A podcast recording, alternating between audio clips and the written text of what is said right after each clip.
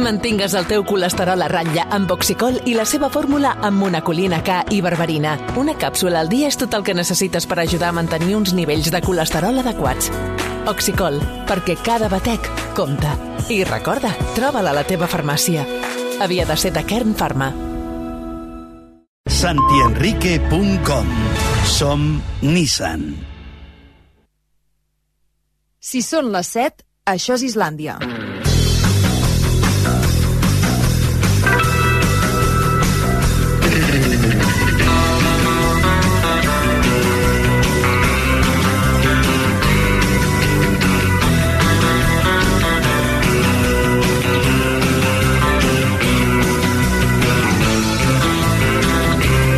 Islàndia, amb Maria Xinxó.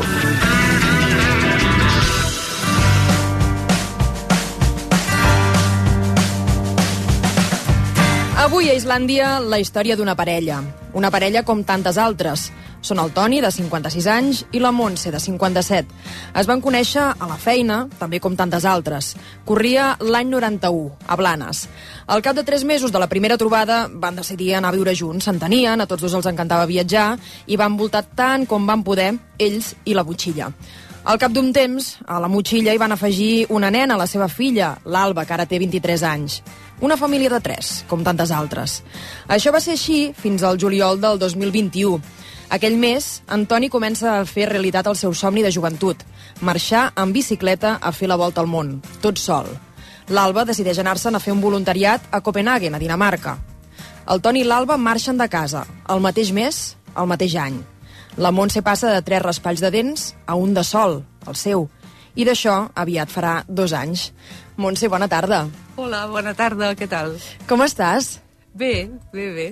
Sí? Sí, sí, no és el meu mitjà, però estic bé, estic bé.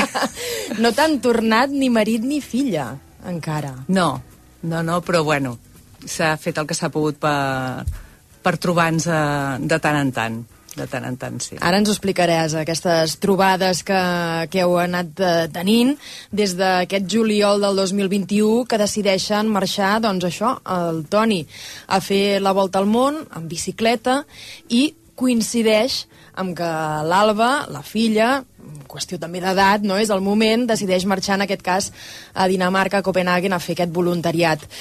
Tu els hi demanes una cosa, no marxeu el mateix dia. Que no marxessin el mateix dia, correcte, perquè era... Bueno, el, el juliol, era aquell mes, el juliol de 2021, i dic, no marxeu el mateix dia, i bueno, van deixar nou dies pel mig i... Qui marxa primer? Primer va ser el Toni, a l'1 de, a l'1 de juliol, sí. L'1 de juliol marxa el Toni i el 10 marxa l'Alba. Sé que no t'agrada massa parlar de tu, penses que la història potser és més la del Toni, és més la de l'Alba, però jo realment trobo que ho és molt interessant la, la teva visió, no? Tu sents que has hagut de fer molts sacrificis perquè ells puguin fer això, el que estan fent cada un als seus propis camins? Uh, no, sacrificis no, perquè ha sigut una cosa... O sigui, no és una cosa que ha passat d'un dia per l'altre, sinó que jo en Toni el vaig conèixer... Jo com no el vaig conèixer amb ell pensava, bueno, almenys que la meva parella viatgi, no? Li agrada viatjar. I, es va bueno, passar de frenada. Es va passar de frenada. la veritat que sí. I, bueno, hi ha moltes històries pel mig i moltes anècdotes. Ell havia viatjat eh, molt amb motxilla, sol, abans de conèixer-me a mi. Llavors jo me vaig incorporar i també havíem arribat a viatjar molt i molt de temps, amb la motxilla i vinga. I, i bueno, ha sigut una cosa... Això era un, un somni que tenia ell des de l'adolescència, que passa que l'ha fet en bicicleta, i, bueno, però fer la volta al món, vamos, jo el vaig conèixer amb, el, amb, això, amb aquesta idea incorporada, no? A tu sí, sí, anaven al PAC. a tu t'hauria agradat acompanyar-lo, per exemple? Uh, sí, evidentment, jo m'agrada molt viatjar i la gent que coneix bé ho sap i, bueno... Uh, però aquest és el seu somni i ho fa d'una manera determinada.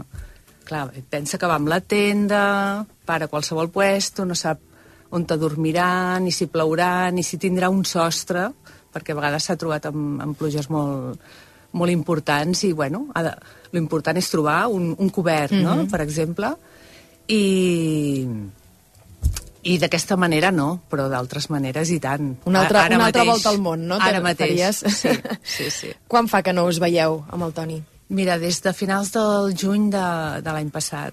Déu-n'hi-do. Sí, sí, ara ja fa, eh? Sí. Sí, sí, havia anat quadrant sempre, ens veiem cada dos i mig, tres, però ara ja fa, ja fa temps. Per què tants mesos sense veure-us? Bueno, perquè eh, no quadra ni bueno, el tema econòmic, perquè els vols són molt cars, i tampoc els... Bueno, vacances de Nadal no pots viatjar lloc. Nosaltres, de fet, sempre evitàvem viatjar o ple mes d'agost, temporades d'estiu o Nadal, i, bueno, sempre havíem tingut la sort de poder-ho fer fora de d'aquestes èpoques, no? Tan On el- concorregudes, sí. On el tenim ara, el Toni? Ara el Toni està a Argentina. Mira, està a prop de la Concagua. Mm -hmm. Sí, sí, sí, avui ha arribat allà i està una mica més amunt de, de Santiago de Chile. Vols saludar-lo? Oh, i tant. Sembla que el tenim. Saluda'l, saluda'l. Toni? Hola, hola, guapa. Hola, què tal? Què tal? Estic aquí a Uspallata, Sí, vaja, no. que estic enmig de, de la cordillera. I, i bueno, escoltant aquesta... Se t'escolta bé, àngel, eh? Se t'escolta bé. Se t'escolta Sí. perfectament. Sí, sí, Sí, sí, és sí, veritat. Oh, Escolta'm. M'alegro, m'alegro. Toni, com és, com és aquest poble que dius Uspallat, aquest nom tan estrany a, a, a l'Argentina? Doncs és, és, és un poble turístic que passen molts camioners i, i està al mig del camí de, entre Santiago, va de camí de Santiago a Mendoza. Llavors, clar, és una opció per anar per l'autopista o, o anar per les muntanyes, que és on vinc jo. Aquest matí he baixat eh, ràpid per les muntanyes per poder estar a l'entrevista. Carai, o sigui, a, a, a sobre t'hem hagut de fer córrer. Sí, sí, sí, perquè és que a la que surts de- d'aquests pobles així no, no hi ha cobertura, no hi ha dades, no hi ha res. Vull, vull, la cordillera de seguida te, te desconnecta, és molt, és molt salvatge. I bé, bé, no, cap problema, eh? Cap problema. Clar, M'ha jo, he arribat a temps. jo he de dir, per exemple, que avui he patit, perquè veia que amb el Toni aquests dies ens hem anat comunicant per, per WhatsApp i veia que ahir li havia enviat un missatge a la una del migdia i avui ni, a, ni al matí, ni al migdia, ni primera hora de la tarda donava senyals de vida i jo he patit per, pel Toni per a veure ja si havia passat alguna cosa. Tu com ho vius, això, Montse? No, jo no he... Bueno, avui no he patit perquè a vegades... O sigui, mm, ell ja avisa més o menys... Eh, bueno, si fa una ruta que, que, que possiblement no trobarà ni una antena. A l'Àfrica, per exemple, a vegades diu hosti, he trobat una antena i hi ha wifi, una antena allà al mig, i, saps? I, però bueno, més, Més o menys pots ja... saber, no?, quan tindrà cobertura Sí, sí. I quan no. A vegades diu estaré dos dies, estaré tres... Ahir no em va dir res, però bueno. Escolta'm, Toni, eh, explicaven això, que és un somni teu de, de joventut, d'adolescència, marxar fora, a fer aquesta volta al món en bicicleta. Um, això és així? Tu ho tenies clar de, de sempre o de jove?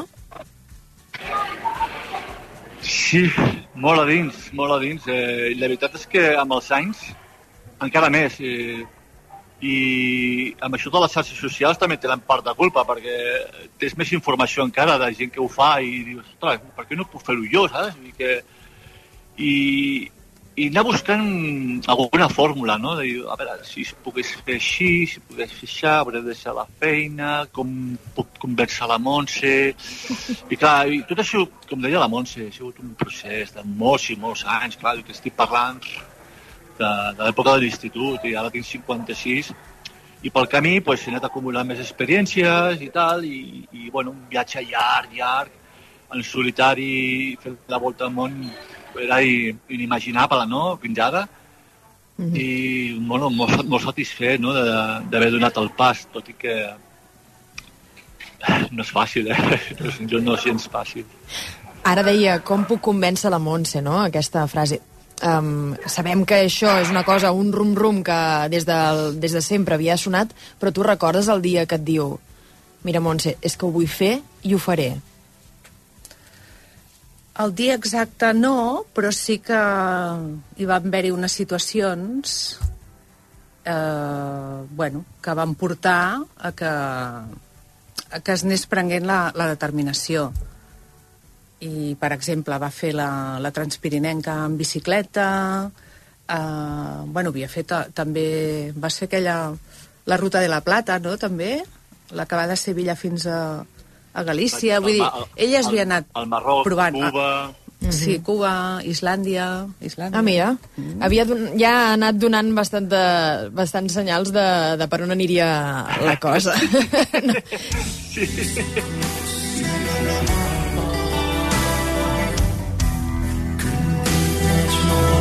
the heart.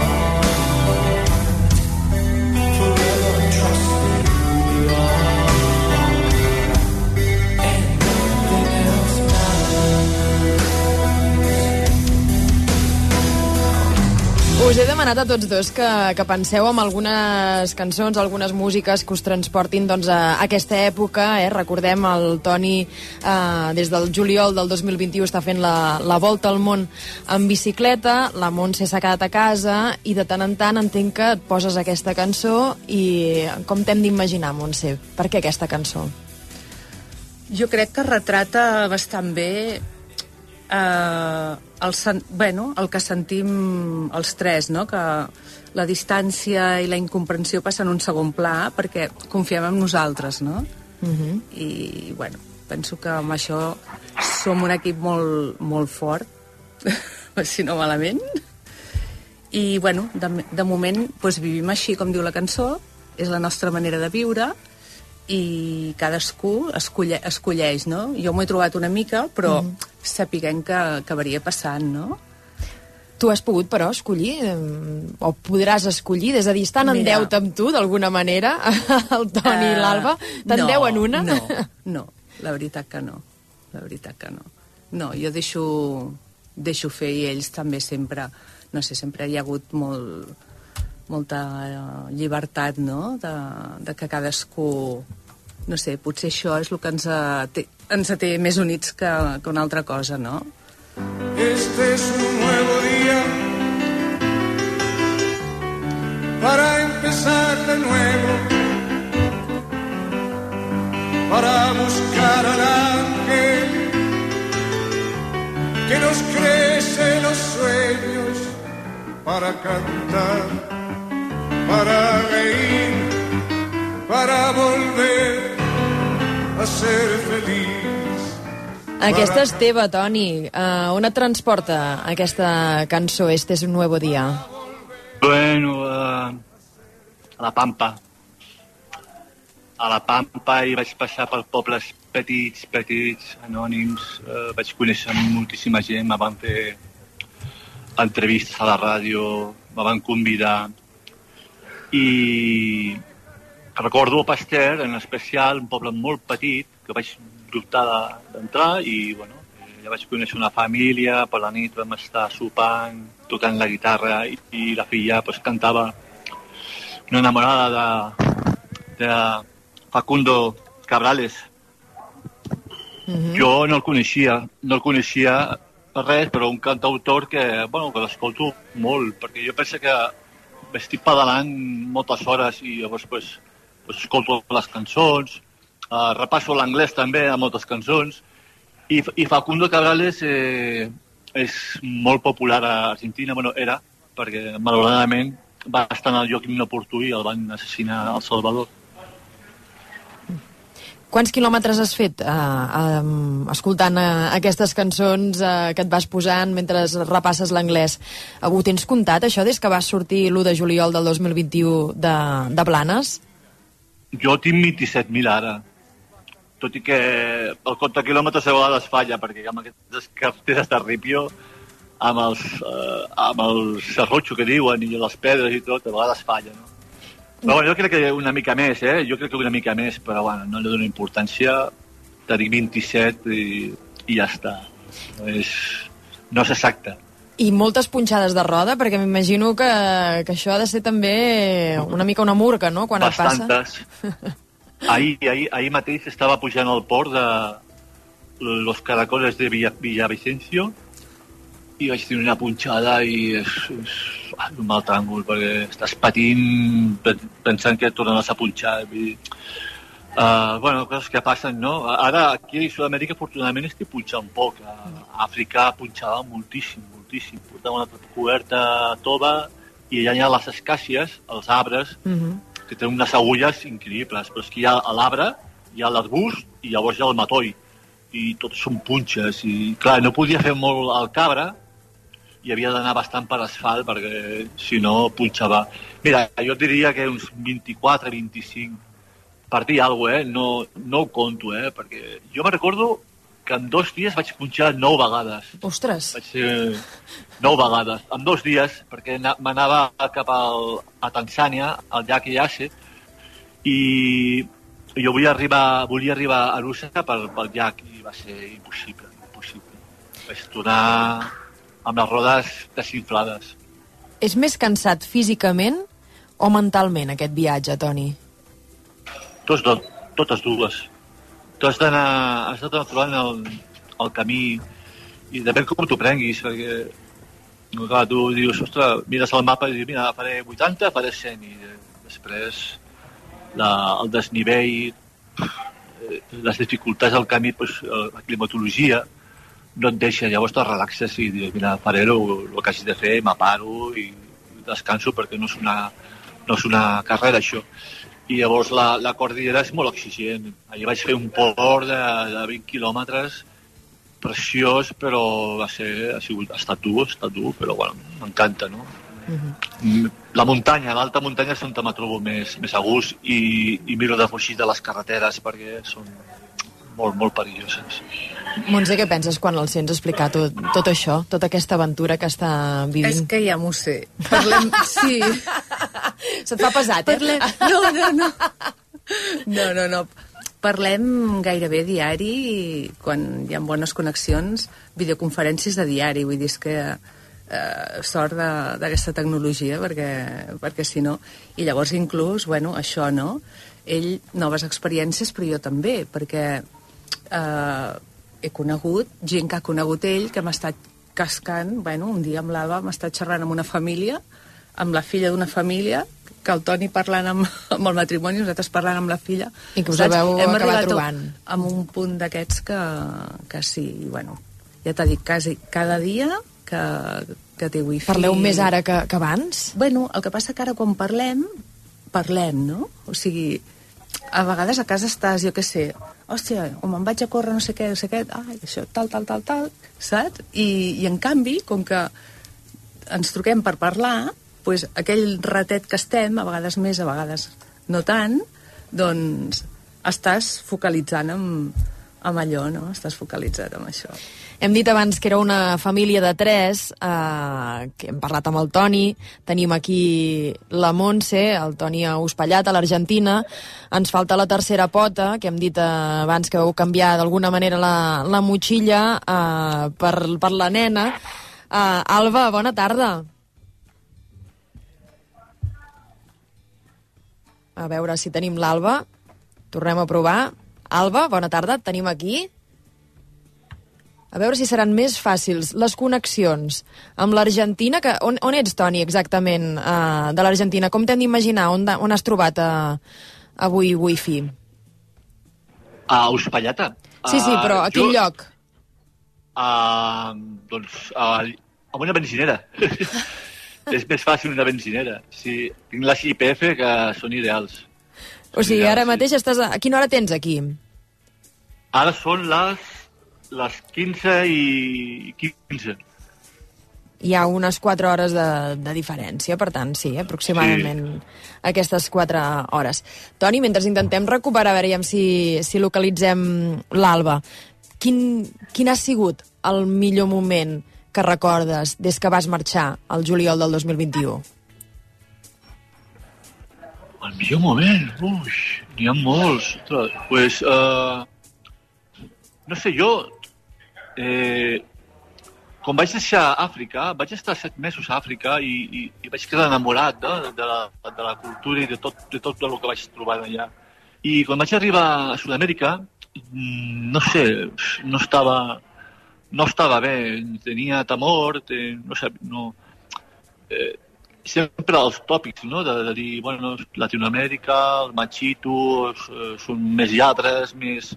Tota aquesta porqueria que, te, que tens en el cap, que com te plantes al mig del Brasil eh, penses, bueno, aquí me robaran i no trobaré gent amable. I, pues, tot el contrari, no? Dir, a Brasil mm. me van acollir superbé, una gent super maca i generosa, però és que on també millor m'he trobat eh, a l'Argentina, no? Llavors, situacions eh, increïbles, no? Vull dir, fer-te una entrevista i esperar-te a tres pobles diferents, amb tres salons, amb, amb, amb tres grups de persones totalment diferents, no? Ciclistes que te recolzen, uh, inclús policia que, que t'acull, escoltes uh, històries personals, i llavors uh, que m'agrada conèixer paisatges de la ruta i sobretot uh, descobrir aquests anònims, no? aquesta gent que t'explica coses de la seva vida i, i que parlen de, com parlaríem nosaltres del, del país, de la política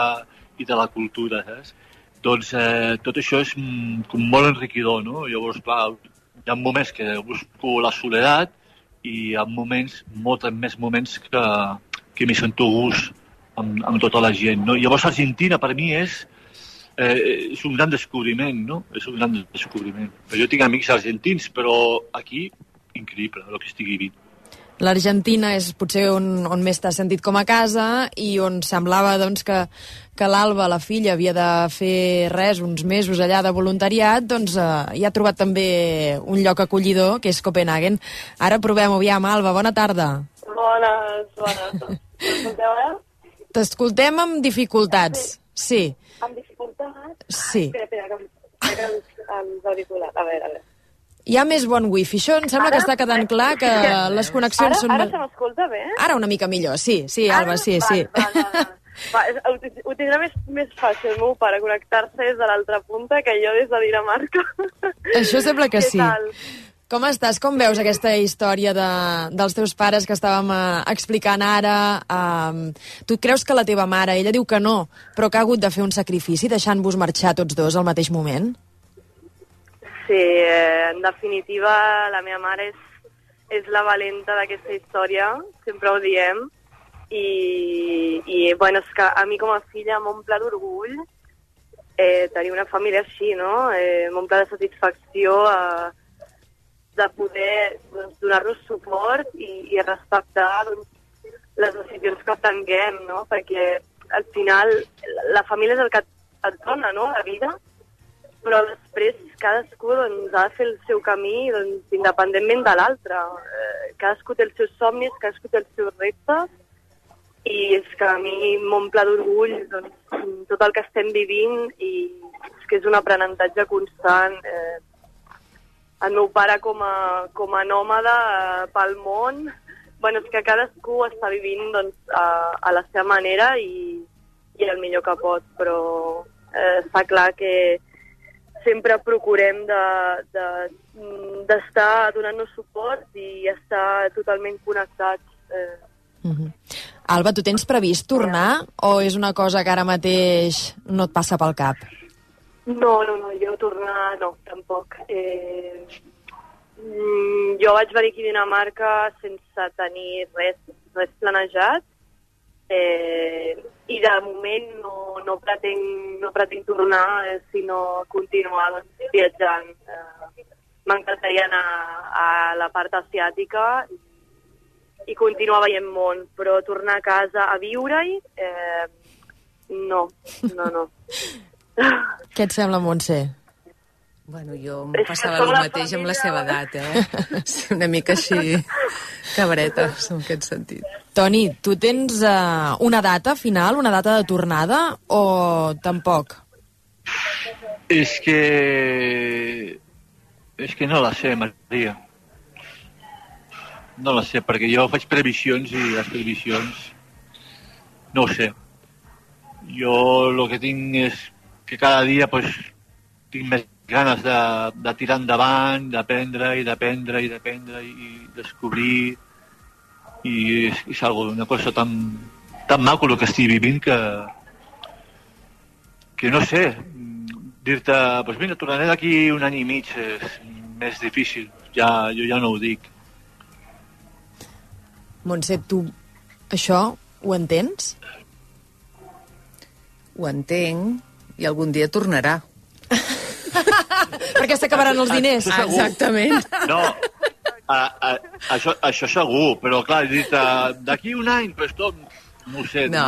L'objectiu és creuar, creuar tots els Andes i em portarà mesos.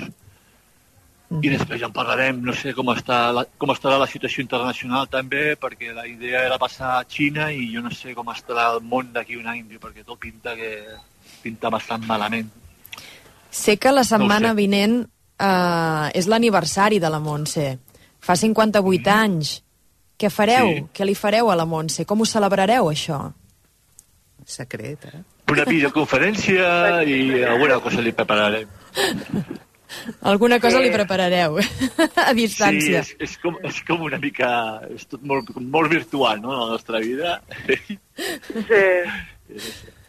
Però, bueno, evidentment que No. ens, sentim, ens sentim molt, molt a prop. I és, és com ha comentat ma mare, que cada cop que ens truquem, ens centrem en, en, en parlar, en explicar-nos què ha passat, què hem fet, a qui hem conegut. Eh, és, és superenriquidor, sempre hi ha coses a explicar, i, però evidentment quan estàs fora doncs és el sacrifici que prens de, de sacrifiques doncs, no estar a l'aniversari de la teva mare. Mhm.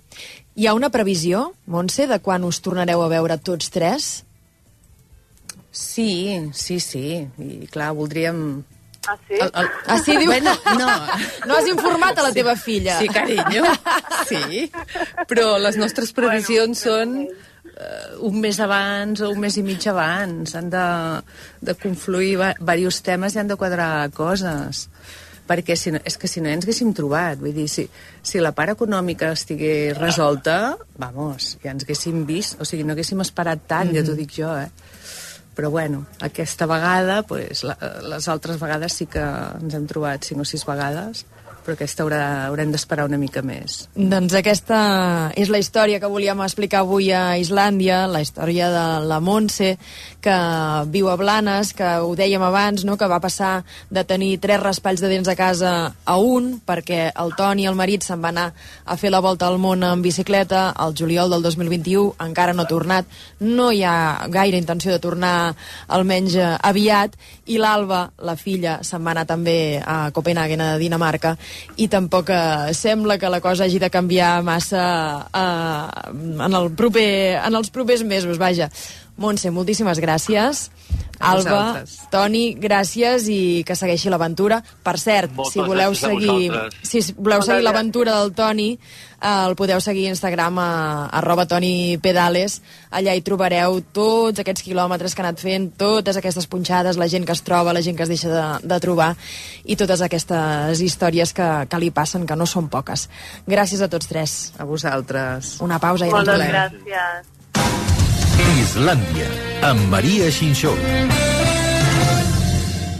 Com menys et costa aquest gest, menys li costa al planeta. Amb Aquària, l'aerotèrmia de Panasonic, estalvies en calefacció, aigua calenta i refrigeració. I li estalvies al planeta. Ara, amb servei de manteniment anual. Aquària de Panasonic. La teva llar estalvia. El planeta. Gaudeix d'un 10% de descompte addicional, ara fins al 5 de març. Descobreix la millor selecció de les bosses i sabates que acaben d'arribar a la Roca Village de firmes com Mash, Bash, Lacoste o Vans. Ara amb un 10% addicional només per a Membership. Uneix-te a la Roca Village Membership a la nostra web i app i comença a gaudir dels teus nous beneficis. Blanca, que bé que et veig. Vinc de Naturhaus. He perdut 4 quilos. Sí, jo també vull. Què haig de fer? Acompanya'm o busca el teu centre Naturhaus més proper i demana-hi cita. Totes les consultes d'assessorament dietètic i seguiment setmanal són gratis i, a més, ho pots fer des de casa. Entra a naturhaus.es o truca al 902 15 14 14. Acompanya'ns de ruta per les vinyes de Castilla, Toro i Rioja amb la nova selecció de vins de Gourmet La Vanguardia. Finca Río Negro 2016, Muro Crianza 2018 i Finca Sobreño Crianza 2019. Sis vins negres valorats en 79 euros ara per només 49. Compra'ls a gourmetlavanguardia.com. Patrocinat per Ara Vin. 3, 2, 1... Top! Dins! A punt per a un nou repte? Si t'apassiona l'audiovisual, a l'Escola ITES en som especialistes. Vine a visitar-nos i descobreix els cicles formatius d'imatge i so a les nostres jornades de portes obertes. Dissabte 25 de març al matí i el divendres 21 d'abril a la tarda. Inscriu-t'hi a ites.es. Coneixeràs el nostre equip docent, les instal·lacions i podràs participar en tallers. ITES, a Bailén 36. Tranquil·lament, un podcast de psicologia de proximitat que t'ensenyarà a conviure amb els sorolls que tots tenim al cap, sempre amb bon humor. I t'ho assegurem amb Fiat. 5 lletres que et donen tranquil·litat. Tranquil·lament, cada 15 dies a RAC més 1, amb Marc Serra i Xavier Guix. RAC més 1. Tots som Més 1. Ens diem FIAC Assegurances. F-I-A-T-C. Cinc lletres que per a la Carme signifiquen font il·limitada d'absoluta tranquil·litat i confiança. I per en Lluís és més. Família il·lusionada s'amplia i tot canvia. Les nostres lletres signifiquen moltes coses diferents per aconseguir que cadascú senti que té l'assegurança que necessita. FIAC Assegurances. Cinc lletres que et donen tranquil·litat. Coneixe'ns a fiac.es. Islàndia, amb Maria Xinxó.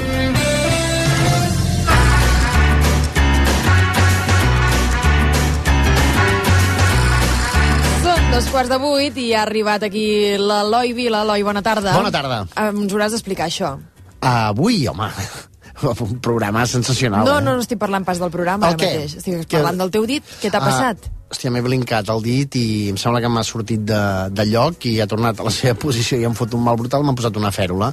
Però com, sí. com, com ha sigut, això? Com doncs al llit, uh, Ah, a la ah, nit... però sexe extrem. No, home, no. Ah. No, no, no, no m'he posat al llit i, i, i he posat malament el dit i amb el cos, doncs, eh, i, oh, bueno, el pes l'ha regirat. És una cosa molt estranya, sí. Entrant al llit, una cosa molt estranya. De la manera més tonta, De la eh? manera més tonta del món, sí, sí, tinc una fèrula aquí al dit que fa bastant mal. Ha sigut avui aquesta nit, aquesta matinada. Vaja, vaja, Sí, sí, vaja. O sí. sigui que no té gaire èpica. No, la història, però no vaja. t'imaginaves potser una cosa, però... No sé, sí. Una cosa, però, t'imaginaves clar, una cosa molt rara, eh? No, Veig? perquè has començat dient el llit, doncs, eh, no sé, he pensat, dic, un llit, un dit trencat o dit, dit mm, fora de Sí, lloc, sí, no No, sé. no és veritat allò que vas despistat, que dius ja... Perquè era anant a dormir, entenc, eh? Bé, m'he llevat a mitjanit, he anat Ah, al lavabo i tornant del lavabo he, Doncs clar, he entrat al llit i se m'ha regirat. Sí, sí. vas confiat, sí, sí, és no- molt, no és controles. una cosa molt rara. No me n'he donat, ja s'havia regirat el dit. Allò que es, et surt de lloc i es torna a posar a lloc. Ai, la Un mal micció, la horrorós, micció eh? de mitjanit, no t'hi vulguis Un trobar. mal horrorós. Va, quin programa ens portes avui? Eh. L'hem tornat a veure. Home, un programa que és referent, un programa informatiu que és referent, una aposta televisiva que trobo que és molt interessant, que ara ja no hi és, malauradament, jo trobo que és necessària, però ja no, ja no s'emet, i un programa que arrencava sempre amb aquesta frase i aquesta sintonia. Ara mateix ens posem la nit al dia.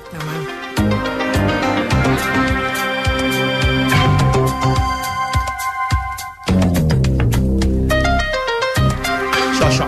Sí, és veritat, és veritat. Sí, no hi ha saxo, no? Per, per l'hora podria No. haver-hi saxo i no hi és. Hòstia, però que identificativa, eh? Sí, sí. Jo, jo almenys la tinc molt... Sí, sí, sí, sí, sí, la tant tinc tant. molt al cap. No cal dir res més. Ara mateix els posem la nit al dia.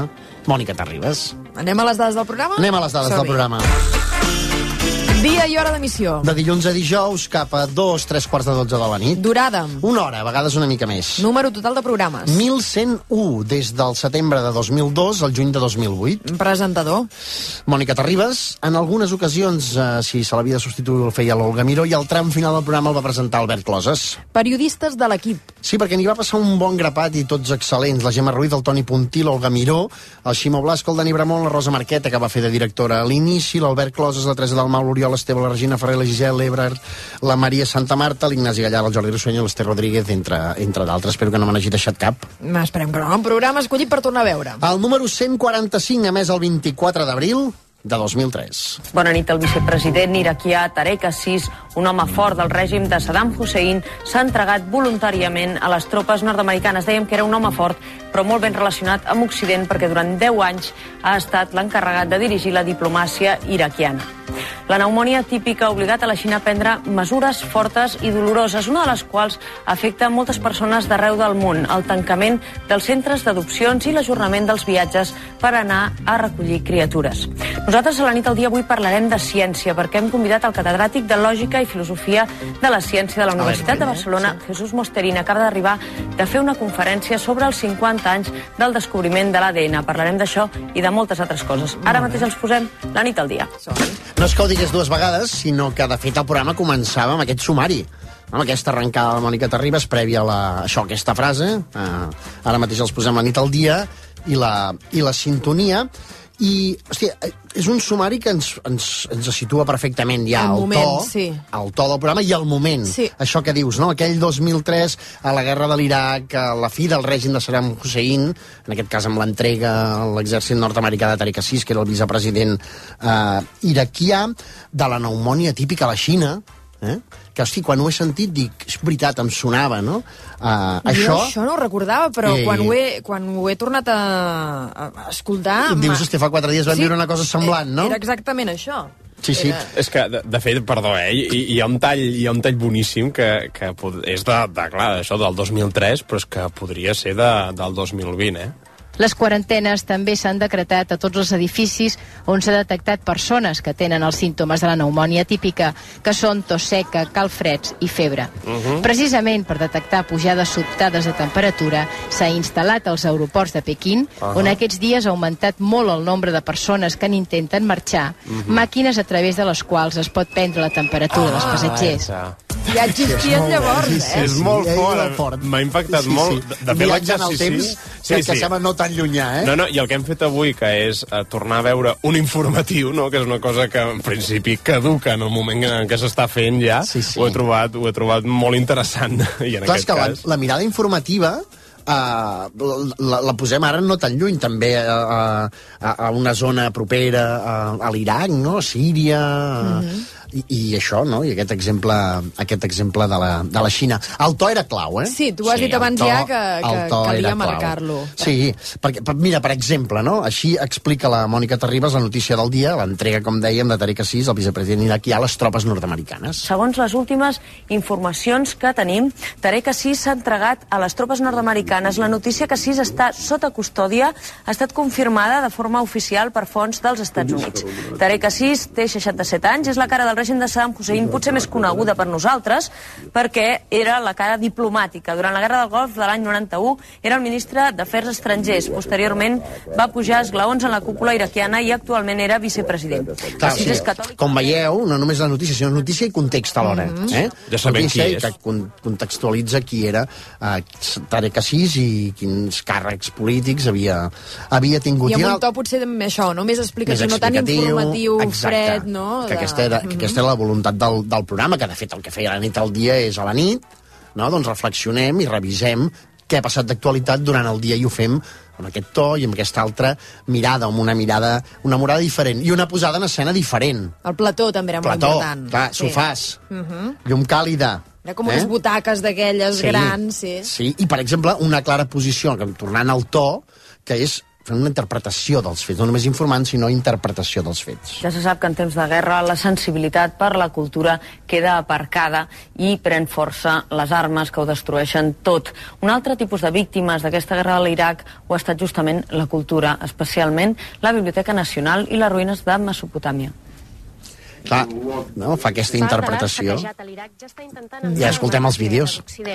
És el cas d'aquestes armes d'or i altres obres d'un palau d'un dels fills de Saddam, obres que s'han intervingut a l'aeroport de Heathrow. De moment, però, no s'ha trobat cap de les peces de l'antiga Mesopotàmia. Aquí entra la peça... Sí, mm, que eren peces llargues. Llargues, exacte, això t'anava a dir. Peces llargues, que no? si estaven una estona, que Sí. buscaven reportatges, Sí. que buscaven un tema que els interessés i que no hi passaven allò de puntetes, sinó amb una que si narració estaven diferent, una estona. intencionada en funció de les imatges, moltes coses. No hem sentit que deia això no a la guerra, no? aquesta interpretació. Mhm. Ensorra la sensibilitat per la cultura, que era el que no feia el programa. Tenia una gran sensibilitat per la cultura. Per exemple, cada nit, no?, que feien una connexió. La Gemma Ruiz és avui a la sala Art en Brut, al carrer Perill del barri de Gràcia de Barcelona, on s'ha estrenat l'obra Lulú, primera nit. Em sembla que ahir la cosa anava de periodisme, avui va d'erotisme. Bona nit, Gemma Ruiz. Oi que és una mica així, Hola, això? bona nit. Doncs sí, un erotisme suggeridor i elegant que hem vist avui a través de la dansa d'aquesta companyia de Roberto Alonso, un dels tres de xanclets, que ha estrenat aquest Lulu primera nit aquí a l'Art en Brut. Jo això ho recordo moltíssim, eh, que, que realment també s'hi estaven molta estona i que cada dia hi havia una connexió, és a dir, Sí. la Gemma eh, cada dia anava a veure un espectacle o alguna cosa cultural que es pogués entrar des d'allà eh, a fer aquesta, a fer aquesta Sí, connexió. llançaven imatges, explicava tenien una conversa amb la Mònica a plató. Per tant, era en directe, segur, en perquè hi havia aquesta segur, conversa. directes llargs, també, Mhm. calculat que més o menys podien passar dels 4 minuts, eh? És que a mi m'ha donat una pau espiritual, de veritat, eh? O Sí. sigui, veure la nit al dia, trobo això que no només és per la durada de les cròniques, de les converses, sinó, ostres, pel ritme. De dir, Perquè- anem perquè acabant el una dia, cosa- però, però trobo que, que està molt bé, que se diu molt alhora i el que vol fer aquest programa, no? feien una cosa que va lligat a això que dius, que trobo molt interessant, que evidentment era triar.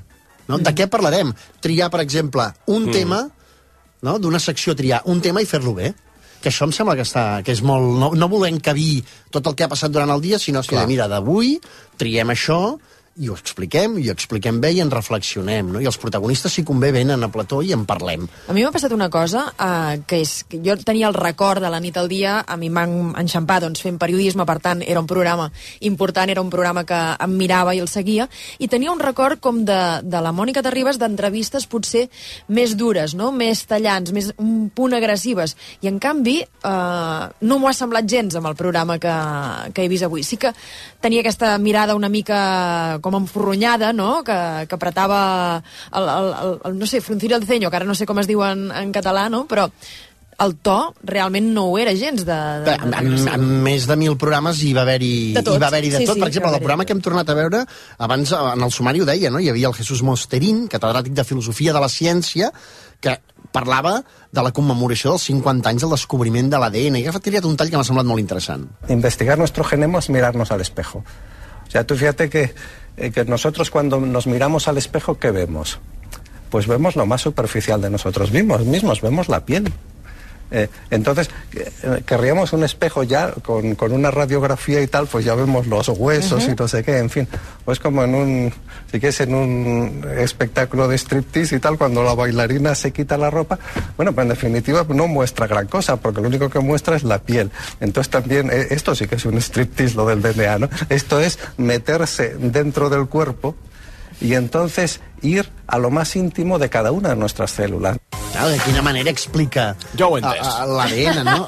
És que, clar, la clau era tenir la persona que explica una cosa perquè sap explicar aquell tema, perquè el domina, perquè en sàpiga que, a més a més, s'explica bé, no? I aquí en tenim un, un exemple. I mitja hora, no? I mitja hora d'entrevista. Sí, sí, Mitja hora hora passa. d'entrevista. que passa molt bé perquè realment eh, aquest doctor, aquest catedràtic s'explicava eh, moltíssim, bueno, s'explicava molt bé, eh, però hi ha hagut una, un detall d'aquesta entrevista que a mi m'ha fet molta gràcia, que és Mm. just quan l'acomiada eh, passa, passa això. Un altre dia que estigui per aquí el tornarem a convidar per continuar parlant. Moltes gràcies per acompanyar-nos a la nit al dia. Gràcies. Muy bien, gracias a ti. Gràcies. No es mogui. No es mogui. A més, a més... Una altra mostra que el programa és en directe, eh? Sí, sí, sí, sí. No es mogui. Perquè ell s'anava a aixecar de la, de la butaca i ella... La, la Mònica ja està mirant els seus papers, no? Perquè té, té com una... No, no hi ha taula, no?, en el, en el plató, però Sí, sí, que hi ha sí, una petita tauleta sí, on taula. posar els papers. I la Mònica ja està mirant els papers, però, però veu de reull que es va aixecar i ha de donar, ha de fer el, el següent donar pas immediatament després de la cortineta. Eh, I li fa així, com sense mirar, no, no es mogui. No és molt hi havia la posició d'entrevista, llavors hi havia la taula, i a l'altra banda de la taula hi havia un altre sofà on hi feien el temps. El temps, en recordeu va, o no? anem al temps. Va, anem al temps. Dani Nadal, bona nit. Molt bona nit. M'han dit que tens unes imatges d'un glaciar eh, Sí, una, a los gla- Andes. una glacera del Perú que està Està- causant una miqueta de mal de cap. Començarem avui fent un passeig pels núvols per aquesta serralada immensa que és a, als Andes, aquí a aquesta zona de Sud-amèrica. Imatges Temps molt... també diferent, no? En aquest cas, doncs, començant amb una glacera, als Andes, però feien la previsió, també. I a mi m'agradava molt, perquè està molt proper, eh, molt proper, la Mònica, presentadora, amb l'home del temps Estaven que... molt a prop, Estaven sí, molt a prop. molt a prop. I, I, clar, semblava com, no?, una manera diferent d'explicar Mhm. el temps, d'explic- com si te l'expliqués a tu eh, directament, no? Mhm. Tenies aquesta sensació. Però el temps va donar grans moments. Perquè un dels homes del temps que més hi, hi va aparèixer era Tomàs Molina, i, i tenien sempre moments divertidíssims amb la Mònica. Bandes de Em núvols fas alts. una promesa, Tomàs? Digue'm. L'any que ve canviaràs aquest mapa? O l'altre. No, l'any que ve. Ah, de bo, eh? Tu, tu m'has de fer un dibuix del, del que vols que t'hi posi. No, jo, senzillament si vull que els noms dibuix- estiguin situats on correspon. Vull dir, doncs és molt fàcil. En fi, passem al pronòstic de He entès que no t'agrada molt aquest mapa. Entenc que no. No. hi ha criteri amb aquest mapa. Això te'l pa- Ara t'has passat. Ara. És que és veritat que el mapa posava Madrid, per exemple, sí. a sobre, quedava, diguem, escrit just a sobre de Catalunya. I clar... Eh... Tenia raó la Mònica. Sí, sí, jo quan ho he vist també he pensat, raó. dic, home, dic, aquest mapa no està ben resolt. Voleu un altre moment, Sí, Mònica sí. Terribas, Tomàs Molina, aquest? M'explicaves abans que havia arribat... Què? És que estava pensant què dir i m'ha vingut ara. Ah, doncs digues, digues. Que- Per lent que sigui el cervell sempre se li ha de treure profit. Aquestes hores molta. A mi m'ha sorprès molt això perquè també és el que deia la Maria. Clar, jo, jo anava a sisè de primària, em sembla, quan s'emetia... O sigui, que era més o menys aquesta època, inici de l'ESO, quan s'emetia la nit al dia, i també tenia aquesta sensació de la Mònica Terribas com més entrevistadora, allò, allò dura. I, I és veritat que té, té com un toc contundent, no?, quan li diu això ara mateix de, del cervell Però i tal. divertit, eh? Però molt divertit. O sigui, realment m'ha sorprès com el bon ambient que hi ha durant tot, tot el programa, durant tot la nit al dia. Un programa, digues. digues, digues. No, no, un programa que acabava amb els, allò, no? llegint uh, les portades dels, dels diaris de l'endemà. llegint les portades, que a més a més ella traduïa directament uh, de, del castellà, que a vegades em, em sembla una cosa senzilla i et, No pot, és. et pots fer unes espinyacades maques que en aquest cas no, Sí. no passaven. Heu parlat tant l'un com l'altre amb dues persones relacionades amb aquest programa. Sí. Eh, una és, és Clara, no?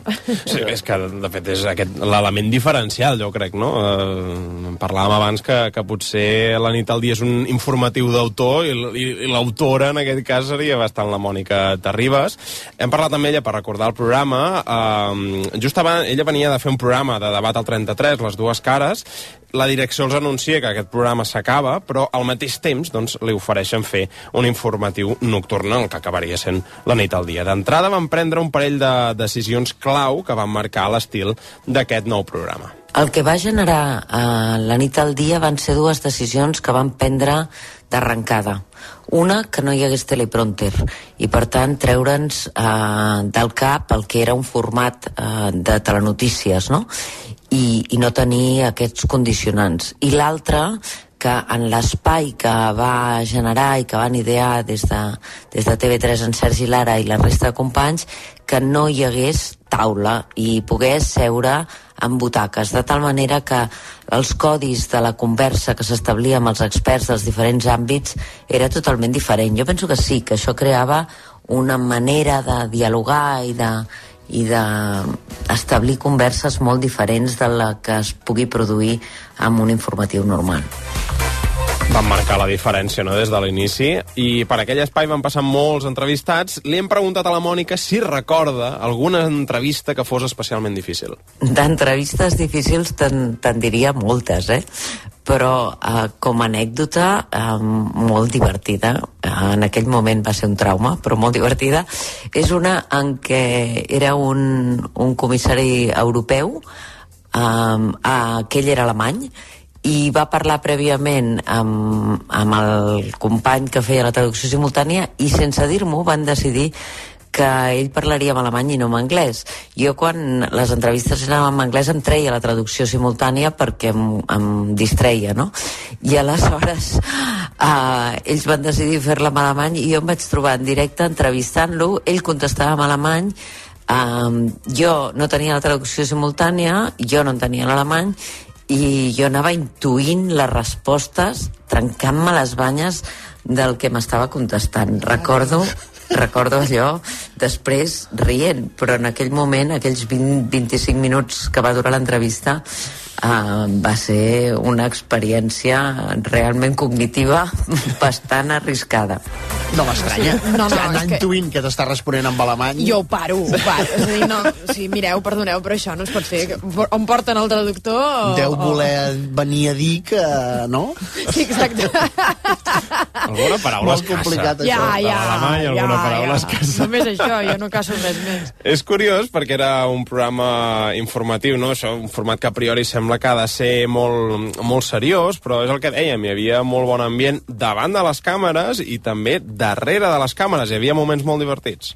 Una de les frases que passa a la història de l'equip intern de la nit al dia és vostè exactament a què es dedica. I això ve d'una entrevista que li vaig fer amb un expert eh, molt específic de l'àmbit de l'arqueologia, que quan duia 20 minuts d'entrevista amb un llenguatge molt tècnic i jo me n'adonava que l'audiència a aquella hora s'hauria perdut feia molta estona, finalment el vaig aturar i li vaig dir, escolti, però vostè exactament a què es dedica? I l'esclafit de riure dins del control va ser monumental. I a partir d'aleshores va ser una frase que internament sempre fèiem servir per entrevistes complicades que sabríem que sabíem que serien difícils de digerir, no? Una gran pregunta. És que em sembla sí, sí. molt bona pregunta. Sí, sí, sembla molt tonta i sembla com molt surreal, no?, allò a mitja entrevista, però no, no, escolti'm vostè a què es dedica. Sé que li has preguntat també a la Mònica Terribas per què s'acaba la nit al dia, no?, perquè arriba un moment en què, en què es deixa de fer, però primer m'agradaria que ens presentessis també el teu testimoni. Sí, mira, jo he parlat amb el Pauli Sobirà, realitzador, de fet, és el realitzador que va estar més temps al programa, no és el que engega el programa, que va ser el Sergi Lara. Però Paulí és el realitzador de tots els programes de TV3? O és el realitzador de molts programes, és molt bon realitzador i ha fet grans programes, entre ells la nit al dia. I perquè, per què? Perquè la posada en escena, com ja hem dit, és clau i el tractament visual també, no? el tipus de planos eh, del, dels vídeos, el tractament de les imatges de tot el programa, la realització en definitiva. No? I he volgut saber què va portar la nit al dia i per què eh, hi havia aquesta voluntat no? de tractar-lo visualment així. Un informatiu de continguts diferent perquè formalment el fèiem diferent o el pensàvem diferent. O sigui, una cosa amb l'altra. Els continguts que, que explicàvem, buscàvem una, una expressió escenogràfica de llum, de, de, de l'espai, de manera de treballar amb les càmeres, però sobretot com fem servir les imatges perquè el contingut que arribava a l'espectador no només fos de la paraula, de l'entrevista en si, sinó que aportàvem a través de, de les imatges que, que hi jugàvem durant l'entrevista, de com estaven asseguts, de quina llum teníem més o menys càlida, de quin, si ens allunyàvem molt o poc de l'entrevista, de, de com ensenyàvem les pauses o no pauses que feia la Mònica a les entrevistes, les pauses que feia el convidat, totes aquestes coses eh, fan que el contingut s'expressés de forma diferent i l'espectador captés d'una altra manera, no? Ah, la clau de tot per això era la calidesa. Fixa't que el nom La nit al dia portava com diferents moments de, de llum també del programa, tot i que al final tot anava cap al càlid, perquè ja els tons de, de, del programa i de decorat eren cap aquí, eh, i, i també perquè es volia donar eh, la sensació de que estaven tranquils parlant sense, com si no hi fóssim però sí que hi som, no? O sigui, hi ha dues persones que, més, més enllà d'entrevistar-se, perquè, tot i que hi havia entrevistes dures, estil Mònica, dic jo, um, es volia que, que, que es veiés la gent que, que estaven còmodes en aquell espai, tot i que hi havia moments molt durs, no? Mm. I això t'ho dona la part escenogràfica, com seuen, com els ensenyes i quin tipus de llum fa servir, no? L'estil Mònica, eh? allò que Sí. deia abans jo. És molt interessant, eh, això que explica el Sí, Paulí. Trobo que... la calidesa també em va explicar això, no? trencar els esquemes informatius, no? Uh, i, un equip magnífic que explicava el, el Paulí, que és, que és cert. Però per què d'aquest tipus d'informatius d'autor Mhm. ara no se'n fan? I això és el que m'ha respost. Costa, costa i jo crec que la comunicació s'ha accelerat més encara. O sigui, el fet de les xarxes, si no és una excusa, és que tothom està més habituat a, a Twitter, no mateix? Parlem de Twitter o, altre- o altres, altres xarxes o, o canals d'informació, estem habituats a tenir-ho ja i que la gent t'informi i no només t'informen la gent que habitualment fa periodisme informació, sinó que qualsevol pot donar una informació, veràs o no veràs, de, del que està passant al moment, no? I el fet aquest de parar, reflexionar, a tots, eh, a tots, ara ens costa posar-nos davant d'un canal de difusió, una tele mateix, i dir, bueno, vaig escoltar ara l'entrevista que li fan a aquest filòsof. T'has de preparar molt, i llavors el dia a dia anem tots tan accelerats que dius, bueno, vaig a frenar un moment. Hi ha espais, però els deixem més com aquell espai de cultura, aquell espai de, de, de literatura, els deixem més per allà. I amb un informatiu sembla que costi més, no? Com si la velocitat ara hagués trinxat la profunditat aquesta. Jo crec que sí, que la veritat eh, ha trinxat, ens ha donat coses, donat coses i ajuda a que la gent estigui segurament més informada que abans en moltes coses, però és aquella capa no profunda de, de, de la informació que, que, que hem perdut, aquesta capa més profunda. Aquesta velocitat que, que no ens permet eh, frenar i tenir aquests informatius d'autor com era la nit al dia. Hem dit que abans eh, que ens explicaries... Eh, al Marc, final de tot sí, plegat, al no? final, És per què s'acaba? La Mònica Terribas, no?, ens explica per què es va acabar la nit al dia. La nit al dia es va acabar després de sis anys i, i de totes les nits del món, eh, quan ja feia tres anys que, que jo el dirigia a TV3, es va acabar perquè em van oferir la direcció de TV3 i aleshores eh, vaig prendre la decisió de, de dir que sí, no? no ho sé, uh, ara mm, amb la mirada enrere un no s'ha de penedir de res, no? però jo em podia haver uh, passat la vida fent la nit al dia perquè era per mi el format ideal que quadrava amb com jo entenia la manera de fer periodisme i, i la manera d'aprofundir-lo eh, amb la tranquil·litat de la nit, no? I, i realment és un programa que a mi em va donar molta felicitat a part d'amistats que em duraran per, per sempre. I això va ser una meravella, per mi, clar. I per nosaltres, i per nosaltres, eh? Sí, Vist- pels vist ara, espectadors, clar, l'audiència anava molt tard, diguéssim que no seria un programa d'audiència, però sí que ha quedat la referència. I tant. I poc abans d'acabar el 2007 va rebre el Premi Nacional de, de Televisió. Doncs un plaer tornar a recuperar aquest programa informatiu la, la nit al dia amb la Mònica Terribas al capdavant i també el Pauli Sobirà que em feia de realitzador. Eloi, que vagi molt bé el cap de setmana. Cuida't Igualment. aquest, cuida't aquest dit, eh? Sí, Cuida't sí, aquest sí. dit, que, escolta'm, preocupada. Encara no em trec al cap que et deus haver pogut imaginar. és que no ho entenc. Ara t'ho explico. RAC 1 Coneixes la nova gamma electrificada de Nissan? Has sentit parlar de la nova tecnologia e-Power?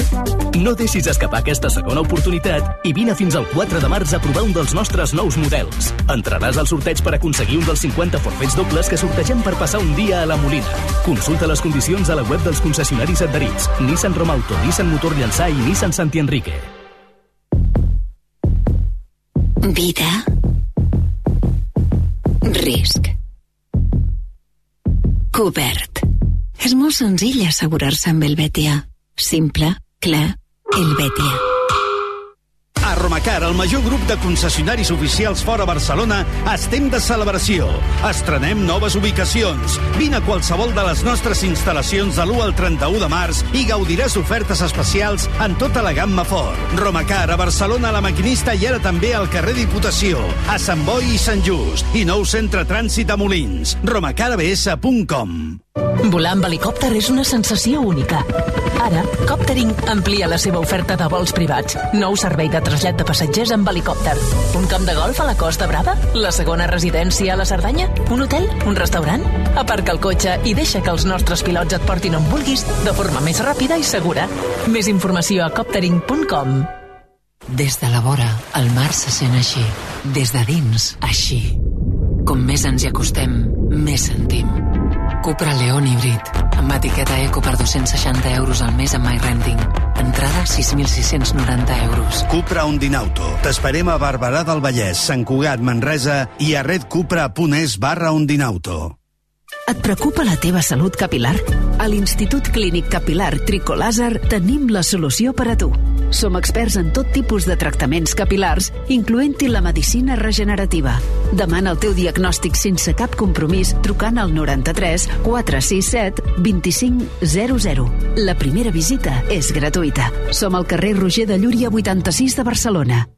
Què sentim quan una cosa ens captiva? El que sentiràs conduint el nou Peugeot 408, amb un disseny sorprenent i un interior amb acabats exclusius que et seduiran. Llavors comprendràs el llenguatge de l'atracció. Vine i descobreix el llenguatge del nou i magnètic Peugeot 408. Turicar.com. Carretera Santa Creu de Calafell 67, Sant Boi de Llobregat. Escolta, el sents? Sí, és el so del mar. I al vell mig de l'Eixample. Ara el restaurant El Cangrejo Loco et porta al mar a l'Eixample. Reserva a elcangrejoloco.com. Un restaurant únic a l'Eixample.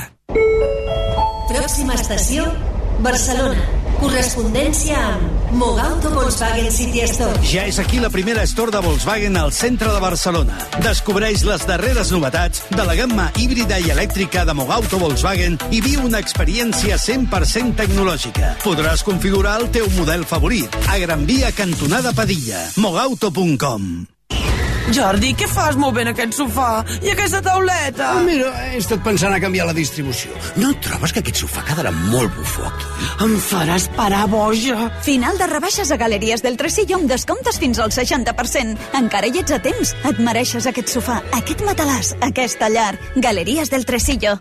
Arriba una nova dimensió Volvo a Barcelona. Volvo Diesel Auto La Maquinista, al carrer Potosí 4. Tota la gamma Volvo amb condicions irrepetibles dins un nou punt de venda amb la qualitat en el servei i l'atenció al client que sempre ha caracteritzat a Diesel Auto. Visita'ns ara i aconsegueix el nou Volvo XC40 amb entrega immediata. Volvo Diesel Auto La Maquinista. Diesel Auto.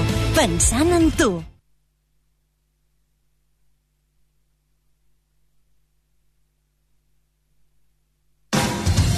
Islàndia, amb Maria Xinxó. Un minut i les 8. Joan Torres, bona tarda. Bona tarda. En Jaume Giró també es carallarà per l'Operació Catalunya. Sí, segons ha avançat el diari Ara, a més de l'exconseller d'Economia, també s'ho estarien plantejant l'expresident Artur Mas i Oriol Pujol. D'aquesta manera, la querella de Giró s'afegiria a, les de, a les que també han presentat ja als tribunals madrilenys Sandro Rossell i quatre persones més, entre les quals Joan Pau Miquel, exconseller delegat de la banca privada d'Andorra, i Narcís Ortega, excap de la Policia Nacional a Barcelona. A més, recordem que la família Pujol també es personarà en la causa, tal com va avançar el món a RAC1. Tot plegat té l'objectiu que s'investigui la trama parapolicial contra l'independentisme per part de les clavegueres de l'Estat. Sandro Rossell va ser qui va començar aquest procés judicial arran d'uns àudios en què l'exlíder del PP a Catalunya, Alicia Sánchez Camacho, demanava a l'excomissari Villarejo que el seguís de prop.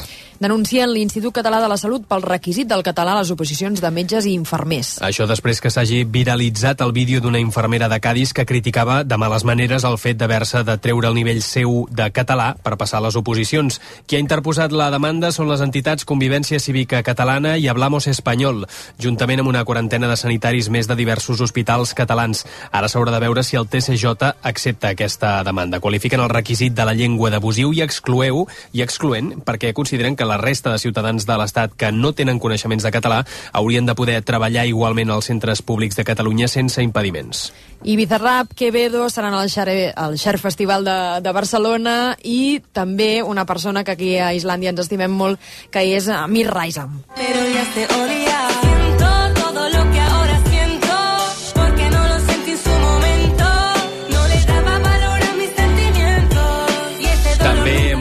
De La Fuente, entre molts d'altres. L'edició d'aquest any del Share Festival se centra en la música urbana, que inclou el trap i el reggaeton, i es farà els dies 9 i 10 de juny. Aquest cop serà al Parc del Fòrum i no al poble espanyol com fins ara. Les entrades es poden comprar a partir de dilluns al web del festival. Va, Ferrus, posa-li que ell volia posar l'altra cançó. Posa-li, posa-li el Joan.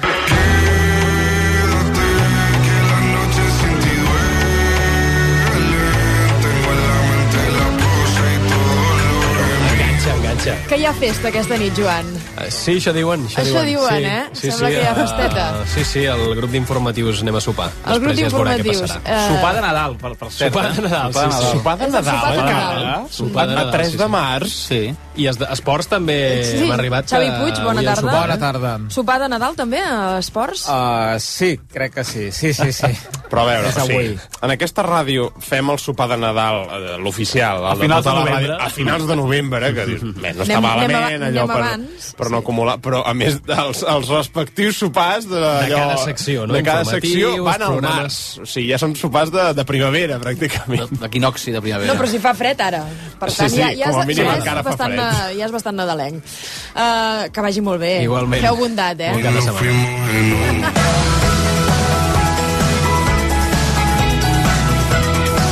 Els esports l'endemà de la victòria al Bernabéu per 0 a 1. Sergi Roberto ha signat la renovació del seu contracte. Fins al 30 de juny del 2024, amb opció d'ampliar-lo un any més, tindrà una clàusula de rescisió de 400 milions d'euros. Sergi Roberto ha agraït la confiança de Xavi, clau per la seva continuïtat. El Barça que juga aquest cap de setmana diumenge un quart de cinc al Camp Nou contra el València ho farà encara sense Pedri, Dembélé, Lewandowski, pendents de si Christensen es recupera a temps o no de les molèsties al turmell. Avui qui ha parlat del partit defensiu del Barça i el Bernabéu amb un rècord de possessió de pilota negatiu que no es veia des del 2008 està l'entrenador de l'Atlètic de Madrid, Diego Pablo Simeone. Bueno, el Barcelona entendió que en ese momento necesitaba ese partido para ganar y lo representó de la mejor manera para llevarse adelante el primer partido de la eliminatoria. Pues las palabras son palabras, en realidad lo único que cuenta es lo que se ve, que son los hechos, y en los hechos le resultó cómodo, le resultó bien, lo hizo muy bien, defendió organizado, el Madrid no tuvo situaciones, El Barça té 7 punts més Real Madrid, que jugarà diumenge a les 9 al camp del Betis.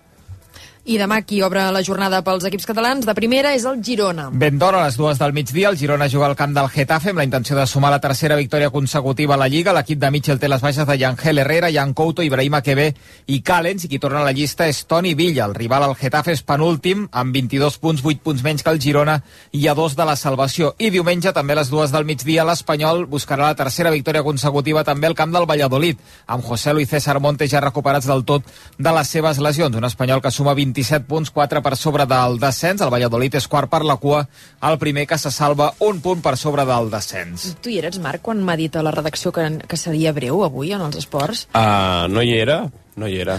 No, no, no, No, n'era no hi ha un testimoni. testimoni d'aquest moment. Però esports i breu... Però escolta, vull dir, però qu- quanta informació m'has colat aquí? Ah, cada setmana, ja. Tres partits, i què, què vols que Tres t'expliqui? apunts poliesportius per acabar. Mira, te'n faré quatre, perquè acaba d'haver-hi la final dels 60 metres eh, llisos de l'europeu d'atletisme de pista Home, coberta a Istanbul, amb una catalana. Jael Bestué, que ha acabat eh, vuitena, i és històric, mai havia arribat eh, una catalana ni espanyola en una final dels 60 metres eh, llisos d'un campionat europeu d'atletisme. A la Copa del Rei d'hoquei patins s'ha acabat el primer partit de quarta final d'avui dijous, divendres, amb victòria del Barça 5 a 2 contra l'Igualada. Veus que van els cascos i tot de l'emoció.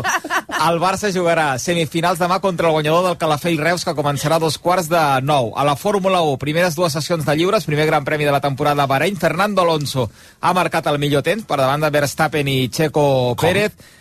Fernando Perdó, Alonso eh, ho he sentit bé? ha marcat el millor És que temps. m'acaba de passar el mateix. Abans hem sentit una notícia de la Xina i que feien quarantenes i no sé què l'any 2003 i sentir Fernando Alonso Sí, sí. marcant un millor temps trobo que és molt l'any 2004. Amb però vaja. Aston Martin, eh, que sembla que va com un eh, tiro. Mare meva. I en Com bàsquet, avui s'han s'han confirmat els pitjors pronòstics sobre la lesió de Maria Araujo, jugadora de l'Uni Girona. S'ha trencat el lligament encreuat anterior del genoll dret, lesió, a més, que ja es va fer en aquest mateix genoll l'abril del 2021. I perquè parles ràpid, eh, que si no? Una cosa ràpida. Alguna eh? cosa de NBA no ens has No. portat? NBA, bueno, l'Ebron James, sempre- que tres setmanes com a mínim segur de És- baixa és i el reva- el reavaluaran després de tres setmanes. Pinta malament, pinta malament. Xavi, que vagi bé el sopar. Gràcies, bona nit. Bona nit.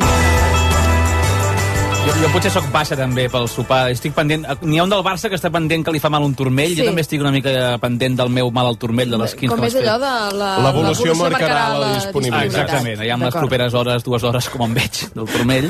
Reavaluarà. Reavaluarem. Caral es perdés un sopar, eh? Seria estrany que se'ls Molt. perdés. També és veritat, sí. això. Molt malament hauries de tenir Sí. el turmell. Sí, sí, sí.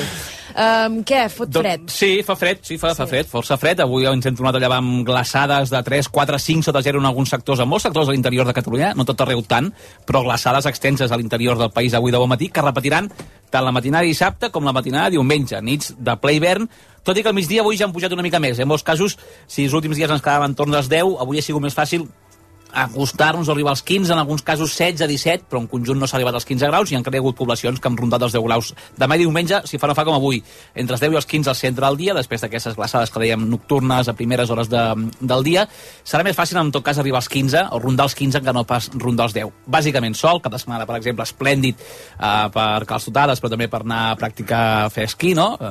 Bon sol al Pirineu, algunes boires matinals a l'interior de Catalunya, però això fins a mig matí a tot, tot estirar no seran persistents i de precipitacions no se n'espera. Una mica tramuntant encara demà moderada al nord de l'Empordà i sobretot al matí fins a primeres hores de la tarda una mica de mestral a les Terres de l'Ebre. Reykjavik. Reykjavik, mira, molt menys fred que aquí, si més no, eh, de nit i matinada, perquè han tingut una mínima positiva de 2,9 graus.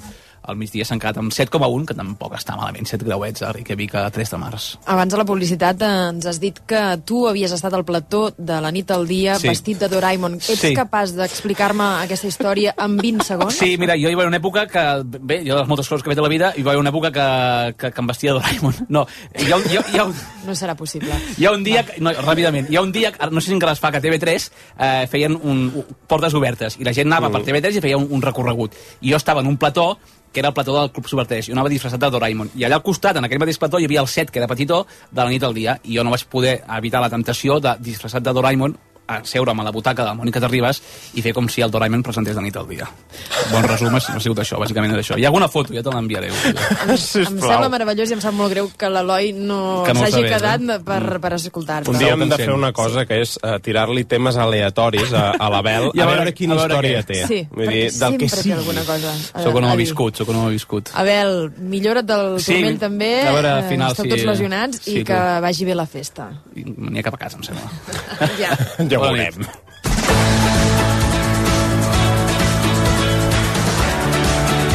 I avui un que no sé pas si després sortirà de festa o no, però ho has tornat a fer, Marc Ferragut. Has tornat a marcar-te un d'aquests eh, autoreptes. Sí, ja veus tu quina tonteria, no? Cada setmana, o més o menys cada setmana, doncs un repte musical.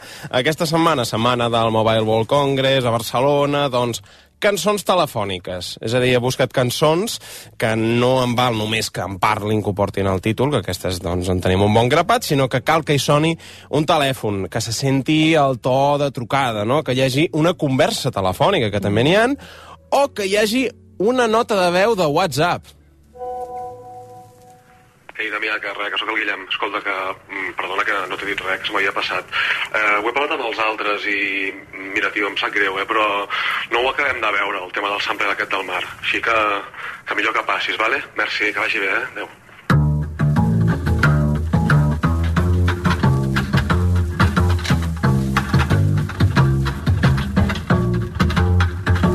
Sé que estem vius. Així comença la de Manel, de Lil Dami, doncs això, amb el Guillem Gisbert negant l'ús del sampler, que per si algú no sap eh, què és, doncs és agafar la melodia d'una altra cançó per posar-la eh, a la teva. I el Lil Dami, així, en plan malote, diu, escolta, jo tiro pel dret. Millor que passis. I, I poso la nota. I passo de tu, Guillem, sí, sí. Va una mica així. Les notes de veu en cançons, de fet, són tendència. Ara es porten, ara es porten. Ara es porten, Sí. ara es porten. La Rosalia també n'ha fet servir. Sentirem al final de la cançó a G3N15, no? que és Genís, eh, el nom del seu nebot escrit eh, amb números, doncs aquesta cançó que li dedica acaba Números així. i amb lletres.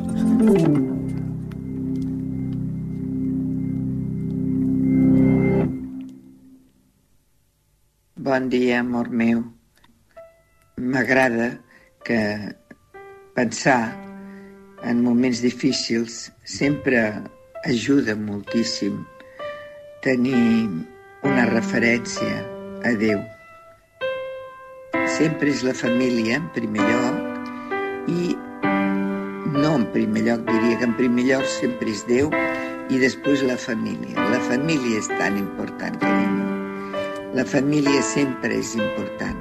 Et portes un camí que és una mica complicat.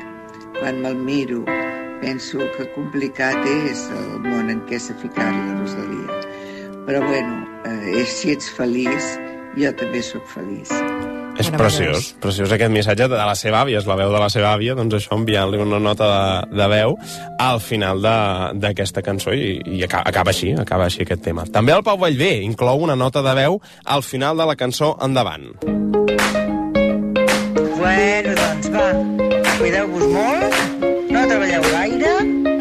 i sobretot passeu-vos-ho bé. Vinga, una abraçada. M'agrada. Cuideu-vos Meravellós. molt, no treballeu gaire. Meravellós missatge per acabar cançó i àlbum, de fet, eh? Fusa Nocta també posa una nota de veu, en aquest cas, de la seva fillola al principi d'una cançó que es diu Mi Família. Me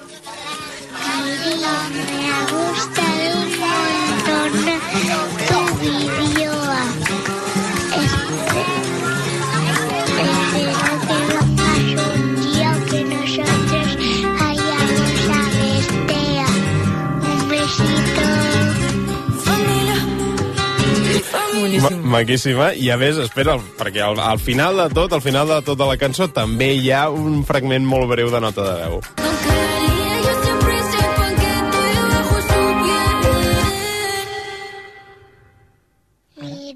te quiero. molt cuqui, molt cuqui.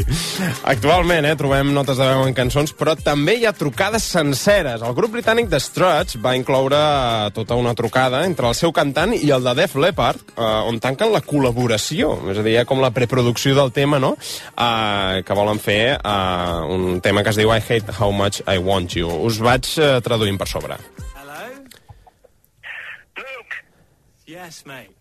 Ei, eh, sóc en Joe dels Leopards, no? Què fas?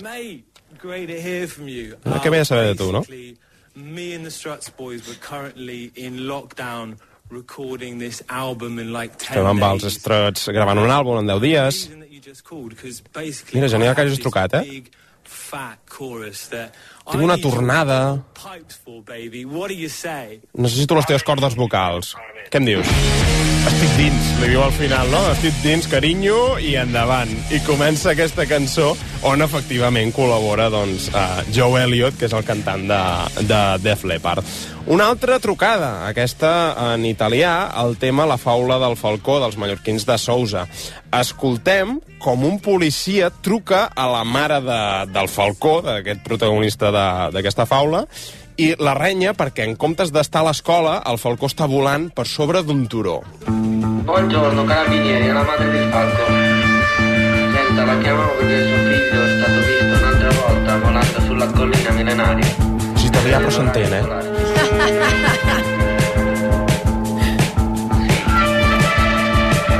situazione è chiara per tutti e il piccolo falco deve andare a scuola. Episodi si ripetono dovremo prendere misure un po' più severe. Sí, només sentim la Sentim trucada, policia. diguem, del, del carabinieri. Perdoni, ma qui parla l'autorità. I, i aquí es va enfadant, eh?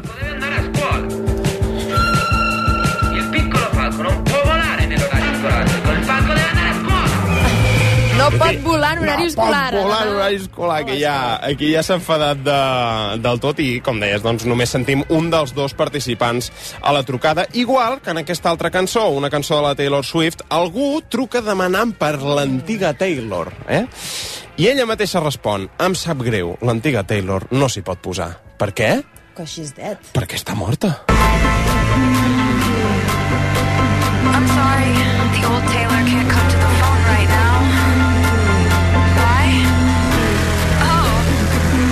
because she's dead. Look what you made me do. Look what you made me do. Look what you just made me do. Look what you just made me do. Com volem dir, eh? Allò, allò perquè he deixat enrere el meu uh, ésser i una cosa profundíssima. D'alguna manera és la, la Taylor bona, la Taylor que fins ara coneixíeu, amb el lliri a la mà, ja no existeix. Molt bé, molt bé, aquesta anàlisi de la tayloròloga oficial Exacte. de Catalunya, que és Maria Xinjó. També al hip-hop hi ha cançons telefòniques. Un amic truca a Notorious Big per despertar-lo i recordar-li que ha d'anar a l'aeroport. Yo. Yo, Big, wake up, wake up, baby. Eh, Vic, desperta't. Yo, Big, wake your ass up. Come on. Estic despertat. Big, wake up. I'm up. Come on now. It's a quarter to six. We got the 7.30 flight. Tens el vol de les 7, mi- a les 7 i Yo, mitja, Big, no? Big, Big. Yeah, I hear you, dog. I hear you. Que sí, que sí, que et sento, que et sento. Yo, take down this information. Mira, agafes la informació, eh? Uh, Remember it or something. Can you do that? Yeah, write this down. Sí, sí, vinga, va, digues, digues. Like 504 Has d'agafar el vol 504. Kennedy Kennedy. on the LAX. Des del Kennedy Cali?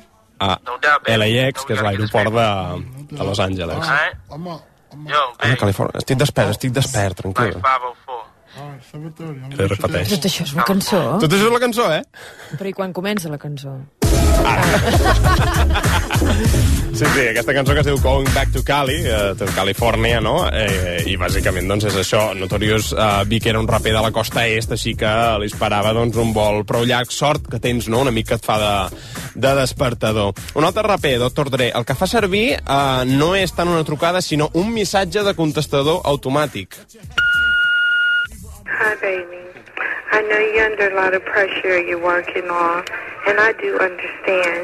you have no Sé idea que tens how molta much I pressió amb el que estàs treballant, jo ho entenc. any idea how much I love you. Només et volia dir que t'estimo. I think about you, I feel you in my heart. Ho integra, no? Penso molt en tu.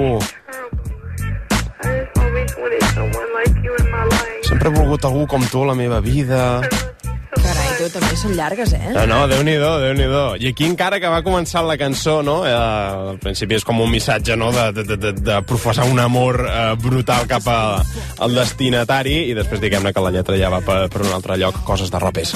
Uh, passem a Pink Floyd, que al final de Young Lust van incorporar el que sembla una operadora intentant connectar amb, amb diferents extensions.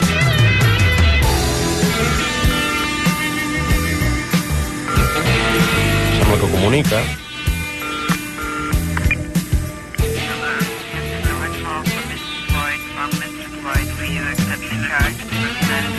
I tens una trucada de Mr. Floyd. Eh, Passo amb l'extensió...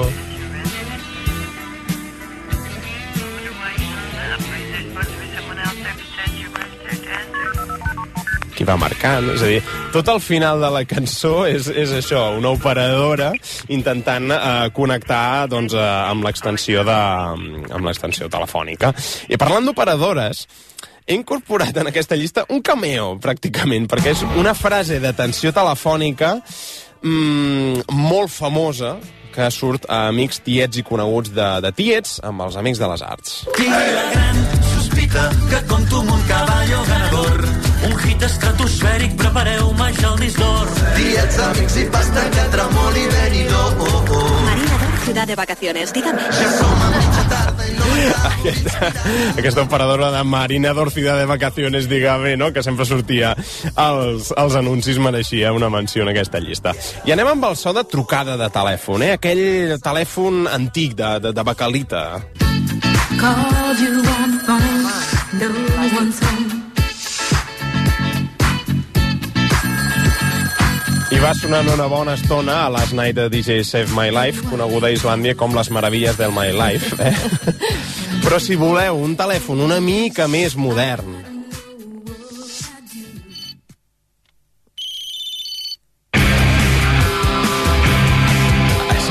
Comença sense cobertura, una cançó dels Laxambusto, que és de principis de, dels 2000, del Llançat. Això seria més nou, Nokia 3310. No t'ho sabria dir, però més, sí. més o menys, jo crec que aniria per aquí. Mòbil molt similar al que sona a l'inici d'aquest tamasso.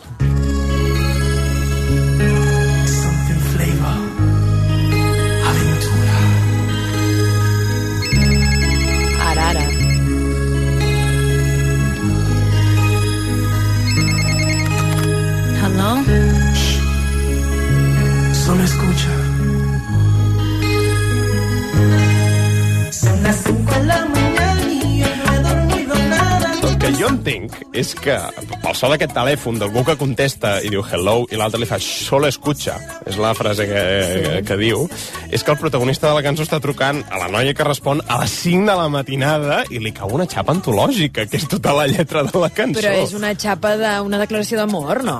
A mi em declares l'amor a les 5 de la matinada, si m'acabo de despertar ja et dic jo que... en fi. Avisa les xavalites. Avís, no avís. Ah. atoqueu Marc Ferragut a les Si no 5 me n'he anat a matinada. Dormir, d'acord, però si, si estic dormint, millor que no. Declaracions d'amor a partir de les 12 del migdia. Va, que també tinc un mòbil dels actuals. Aquest ja sona a smartphone.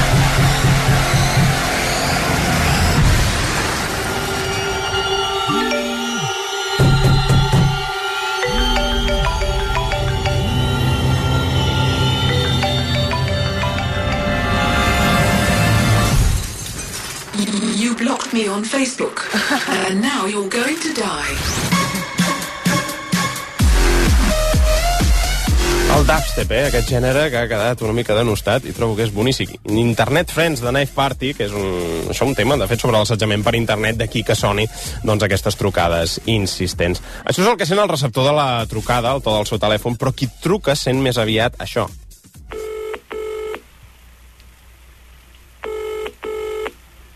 I'm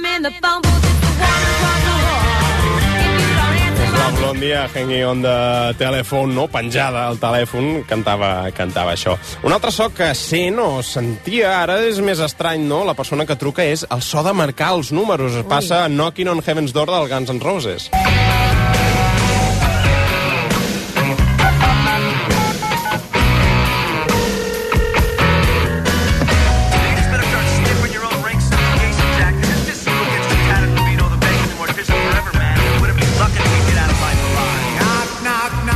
Doncs aquí al mig de, de, de la cançó hi ha una trucada que no entenc eh, bé ni, ni, ni què diu en català. És una trucada molt, molt estranya, però se sent aquest, aquest so telefònic. Hi ha tons de trucada que després s'integren a la cançó com a Circle de.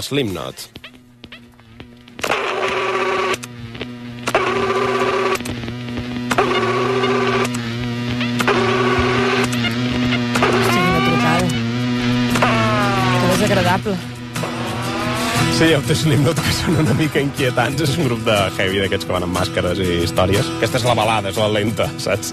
Però diguem-ne que es va integrant el to de, de la trucada dins de, de la cançó. Una cosa semblant fan l'Electric Light Orchestra a Telephone Line amb l'afegit que quan comença a cantar, de fet, sembla que estigui trucant.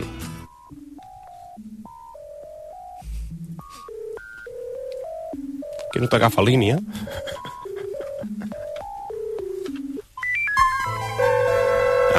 Ara, enganxat la línia. Però una de les millors cançons eh, que fan servir els telèfons com si fossin un instrument és aquesta. Ho sentireu, eh, de, de fons, super integrat a la cançó.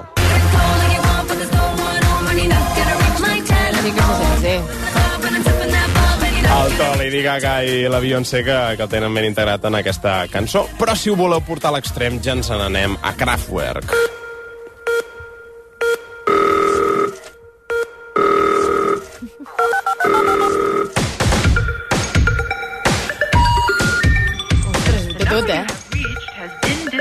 El telèfon que, el que estàs intentant contactar s'ha desconnectat. Hi ha tota la cançó és que fins i tot hi ha un solo de telèfon, atenció.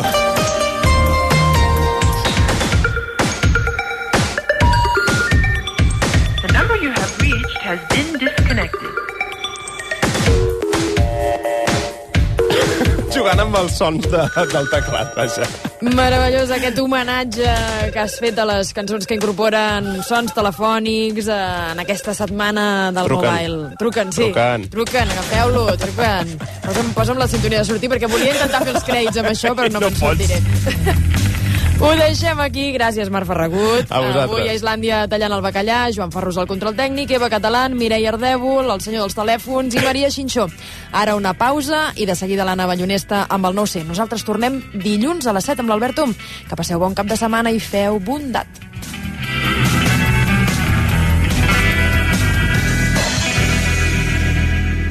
Les nostres mares, de Gemma Ruiz Palà, la celebració literària d'una generació de dones que són un referent vital.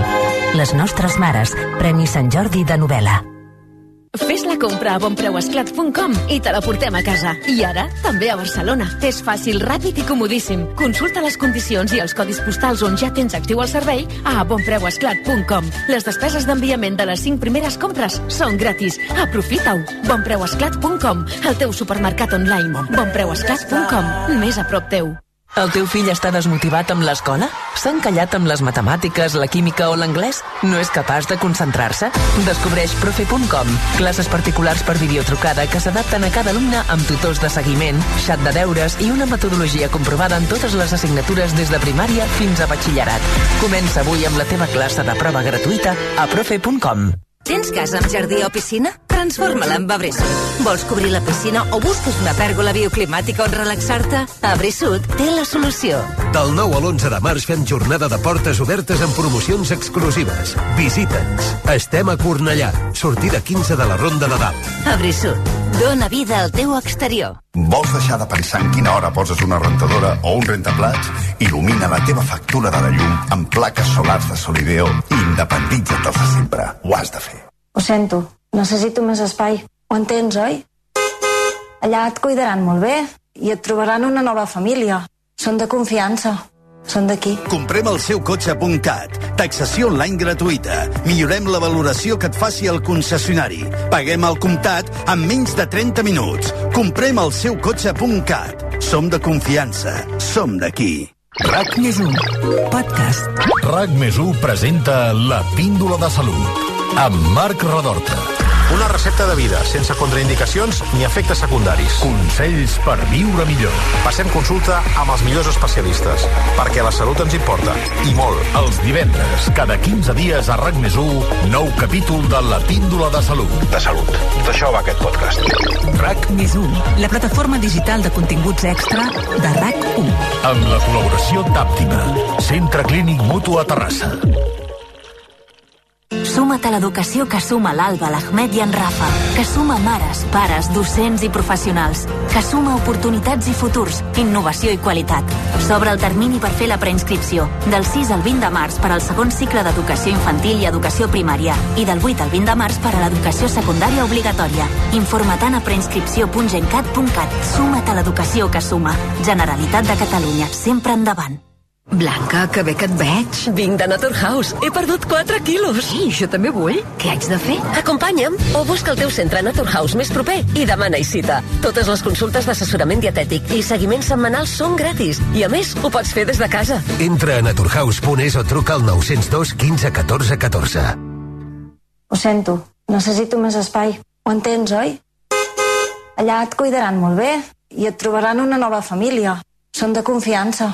Són d'aquí. Comprem el seu cotxe.cat. Taxació online gratuïta. Millorem la valoració que et faci el concessionari. Paguem al comptat en menys de 30 minuts. Comprem el seu cotxe.cat. Som de confiança. Som d'aquí. Agafa aire ben fort. Que després de donar tant la llauna sobre la teva voltassa pel món, ara et toca parlar sense parar del fantàstic superdescompte que et vas emportar. Reserva ara la teva voltassa i emporta fins a 500 euros de descompte en el teu viatge de llarga distància amb Neutralia Viatges, perquè les voltes donen molta vida, fins i tot quan has tornat. Ha arribat el dia! S'han acabat les esperes! Senyores i senyors, benvinguts a l'època de la immediatesa! Ei, que som al 2023! Emporta't ara el Suzuki S-Cross amb etiqueta Eco, tracció 4x4, càmera 360, últims sistemes de seguretat avançada i entrega immediata! Sí, sí, immediata! Nou Suzuki S-Cross. Actualització constant a rac el portal de notícies de RAC1.